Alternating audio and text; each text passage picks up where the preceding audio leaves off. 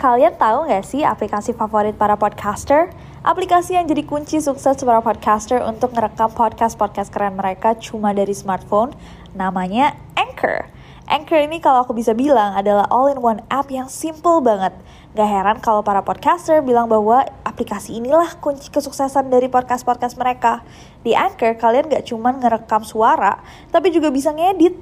Mulai dari rekaman, isi lagu, efek, dan lain-lain. Yang paling aku suka adalah karena Anchor ini super fungsional. Aku bisa langsung upload podcast aku ke Spotify atau platform lain langsung dari Anchor. Kalian bisa download Anchor di smartphone kalian langsung dari App Store, Play Store, atau dari web mereka www.anchor.fm. Trust me, Anchor is your best friend to create stunning podcasts. And you know what? It's totally free. Hey guys, it's Nancy. And welcome back to Nero. To. Hey guys, it's Nessie and welcome back to Neror. Selamat kembali lagi ke Neror, segmen di channelku di mana kita membicarakan hal-hal mistis, tak terpecahkan, and overall creepy. Salah satu kasus langka di mana problem yang berhubungan dengan mistis bisa masuk ke pengadilan. Hari ini kita akan membahas tentang kasus mengerikannya Annalise Michelle. Dan hari ini kita bakal membahas jauh lebih detail seberapa mengerikannya, misteriusnya, kasus perempuan muda yang dipercaya dirasuki oleh enam iblis ini. So without any further ado, stop senyum-senyum, shit's about to go down. So sebelum aku mulai, aku mau mengingatkan saja bahwa cerita malam ini sangat-sangat mengerikan dan terjadi di kehidupan nyata, menyangkut agama dan juga iblis dan juga sisi ilmiah. Jadi dengarkan baik-baik dan tetaplah sopan ketika ingin membagikan opini kalian. So kita akan mulai dengan kasus yang sempat membuatku tidak bisa tidur berhari-hari pas pertama aku membaca tentangnya. Annalise Michelle lahir pada 21 September 1952 di Bavaria, Jerman. Annalise dikenal sebagai seseorang yang pintar, menyenangkan, sopan, dan religius. Tapi di umur 16 tahun, pada tahun 1968, Annalise pertama kalinya jatuh tak sadarkan diri. Dan pada malam yang sama, ia merasakan sesuatu menekan dadanya seakan menahannya ke kasur yang ia tiduri. Pada Agustus tahun depannya, 1969, hal yang sama terjadi lagi. Ibu Annalise memanggil dokter keluarganya, Dr. Vogt, dan seorang ahli syaraf, Dr. Luthi, untuk memeriksa Annalise. Si Dr. Luthi ini lalu melakukan EEG, semacam CT scan untuk memeriksa otak.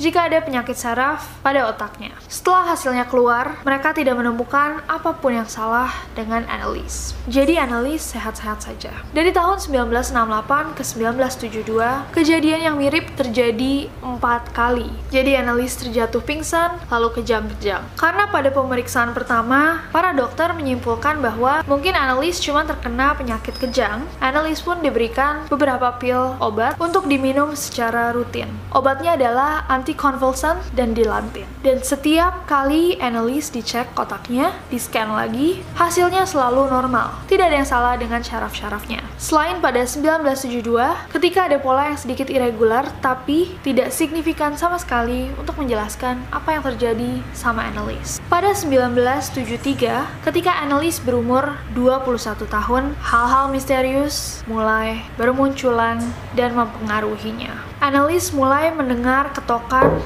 di malam hari ketika ia tertidur, tapi bukan hanya Annalise yang mendengar, adik-adiknya juga.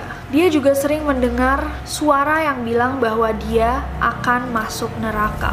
Dan ibu Annalise menemukannya menatap patung Bunda Maria untuk waktu yang lama dengan muka yang tegang dan mata yang seluruhnya hitam. Ibunya bilang bahwa tangannya Annalise juga berubah seakan dia memiliki cakar. Pada Dr. Luthi, dia bersaksi bahwa ia sering melihat wajah-wajah iblis dan mendeskripsikan gimana wajah mereka. Annalise bilang bahwa ia merasakan iblis-iblis tersebut ada di dalam tubuhnya. Annalise dan juga keluarganya bersaksi bahwa mereka sering mencium secara tiba-tiba bau kotoran yang terbakar. Karena hal-hal misterius ini mulai bermunculan, Ibu Annalise akhirnya mencari seorang Jesuit atau seorang pejabat agama, orang yang punya jabatan di agama Dan akhirnya mereka menemukan Father Alt, seorang pendeta. Pada November 1973, Annalise bertemu dengan seorang psychiatrist yang mendiagnosanya dengan penyakit syaraf dan juga kemungkinan epilepsi. Ia memberi Annalise Tegretol,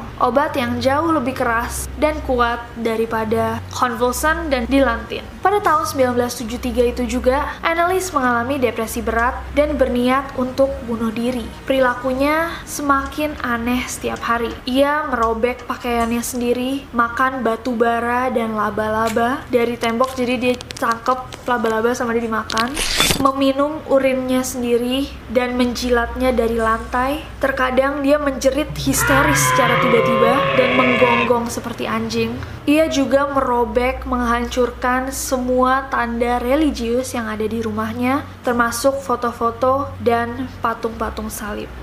Keluarga Michelle bersaksi bahwa Annalise menunjukkan kekuatan yang tidak seperti orang normal. Ia bisa melempar kakak adiknya seperti melempar boneka, dan ia bisa menghancurkan apel hanya dengan genggaman tangannya. Sampai apel itu hancur dan pecahannya bersebar ke seluruh ruangan. So setelah hal-hal super serem itu terjadi, seorang expert dalam pengusiran setan, Father Rodwick, datang untuk memeriksa Annalise. Ia menyimpulkan bahwa Annalise 100% dirasuki oleh roh jahat. Orang tuanya Annalise pun meminta agar si Father Rodwick mau melakukan pengusiran setan pada Annalise. Tapi Father Rodwick menolak. Mungkin dia udah tahu bahwa ini kerasukannya udah gak normal. Dan akhirnya orang tuanya Annalise pun meminta tolong pada uskup setempat. Uskupnya pun menugaskan dua orang untuk melakukan pengusiran ini. Pastor Arnold Rance dan pendeta Ernst Alt yang sebelumnya aku sebut untuk melakukan ritual ritual pengusiran besar pada Annalise Michelle. Pada 24 September tahun 1975, rukia pertama dilakukan. Pastor Rance memperbolehkan beberapa sesi untuk direkam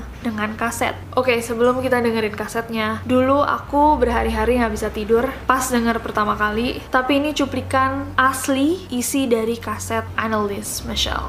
Ich recht dazu, dass ich in dem Wald drin bin. Ich sag dir die Rotnase noch so lang, bis es lebt wird. Saublöde Wein. Ah, für uns geht's kein zurück.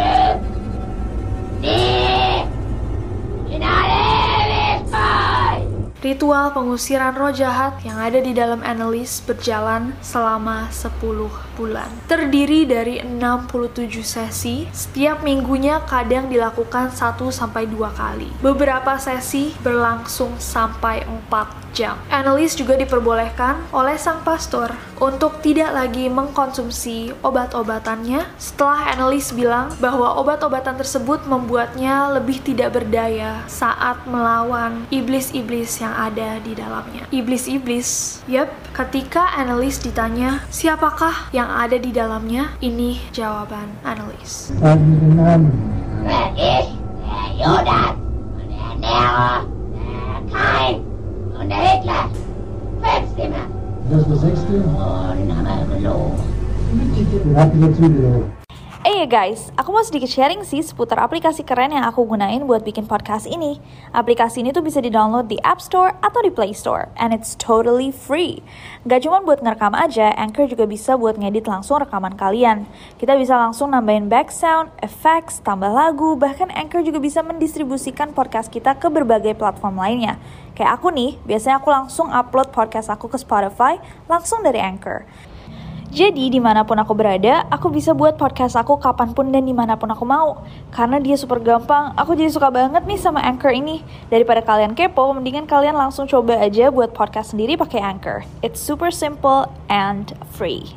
Salah satu perasuk iblis yang disebut oleh Annalise adalah Flashman. Dan di dalam salah satu sesi rukiahnya, Annalise bisa dengan detail menceritakan tentang Valentin Flashman yang merupakan seorang pendeta di tahun 1500-an yang ditendang oleh gereja karena perlakuan buruknya. Hal ini mengejutkan keluarga Michelle dan kedua pendeta yang ada. Sang pendeta bilang nggak mungkin Annelies umur 20 tahunan bisa tahu tentang si Valentin Fleischmann ini. Setelah menjalani 67 sesi ritual selama 10 bulan, Annelies mengalami sejumlah kerusakan pada beberapa bagian tubuhnya. Ia sering menabrakkan kepalanya pada tembok, menggigit dirinya sendiri, ligamen di lututnya pecah, kakinya mengalami kelumpuhan, sampai pada saat-saat tertentu orang tuanya harus membantu dia untuk kayak ke kamar mandi dan segala macam dan juga mengikatnya agar dia tidak menyakiti dirinya sendiri. Yang paling berbahaya adalah bahwa Annalise refuses to eat. Ia menolak untuk makan dengan dalih bahwa ia tidak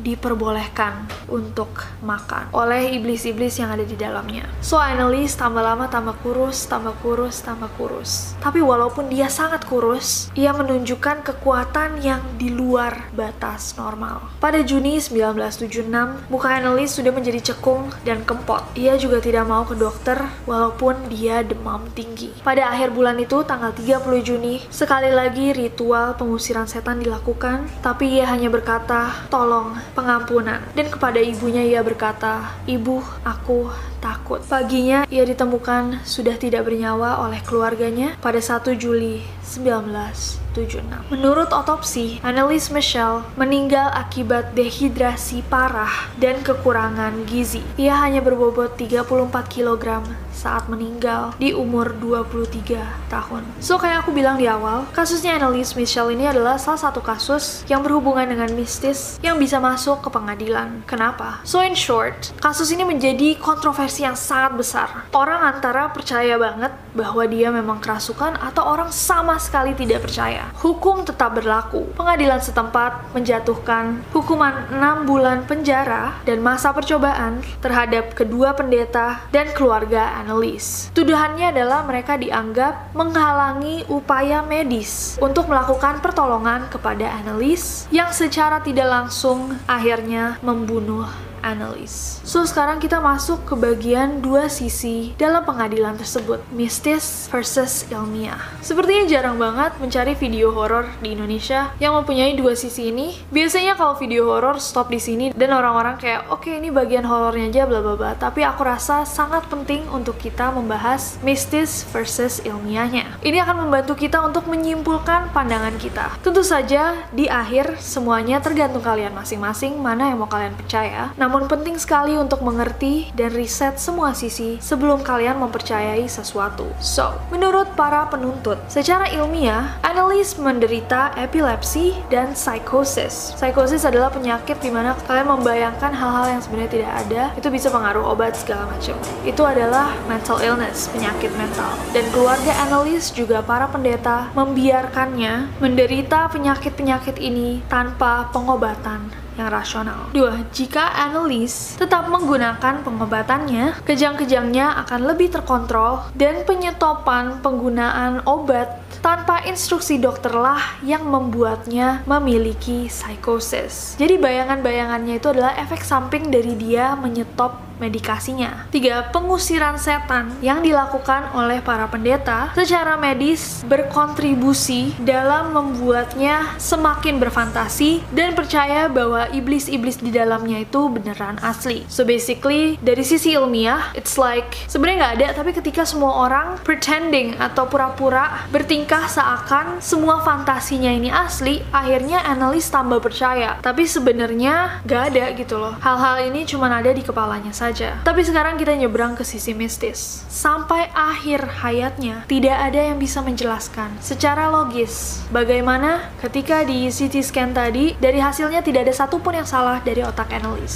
Semuanya normal, semuanya sehat. Dua, tidak ada trauma di hidup analis yang bisa berakhir dengan epilepsi. Dan tidak ada triggernya yang membuat epilepsinya kambuh. Tiga, pupil mata analis yang terkadang bisa menghitam keseluruhan dan besarnya abnormal. 4. Tidak ada penyakit lambung yang biasanya ditemukan pada pasien-pasien kelaparan dan kurang gizi. Di dalam beberapa rekaman, terdengar seakan ada dua suara yang keluar dari tubuh Annalise. Next, kekuatan yang abnormal keluar dari tubuh Annalise yang sudah tidak mengkonsumsi makanan selama berhari-hari, bahkan berminggu-minggu. So, itu kasusnya Annalise Michelle. Aku mau tahu dari kalian. Apakah kalian percaya Annalise kerasukan atau kalian lebih percaya dari sisi medisnya? Apakah orang tuanya dan kedua pendeta tidak sengaja membunuh Annalise? Please share opini dan point of view kalian di bawah, tapi make sure kalian hormati orang lain. Jangan menjatuhkan kepercayaan orang lain atau agama-agama yang tidak sejalan dengan kepercayaan kalian. Aku tahu kalian neroris adalah orang-orang yang pintar-pintar banget. Kadang-kadang aku kalau baca review atau komen-komen kalian aku kayak What? Jadi jangan jatuh dalam debat-debat tak penting. Please share apa yang kalian percaya. Apakah jika analis menggunakan obat-obatannya dia akan hidup lebih lama? Tapi aku personally belum pernah lihat orang kesurupan. It's one of my goals.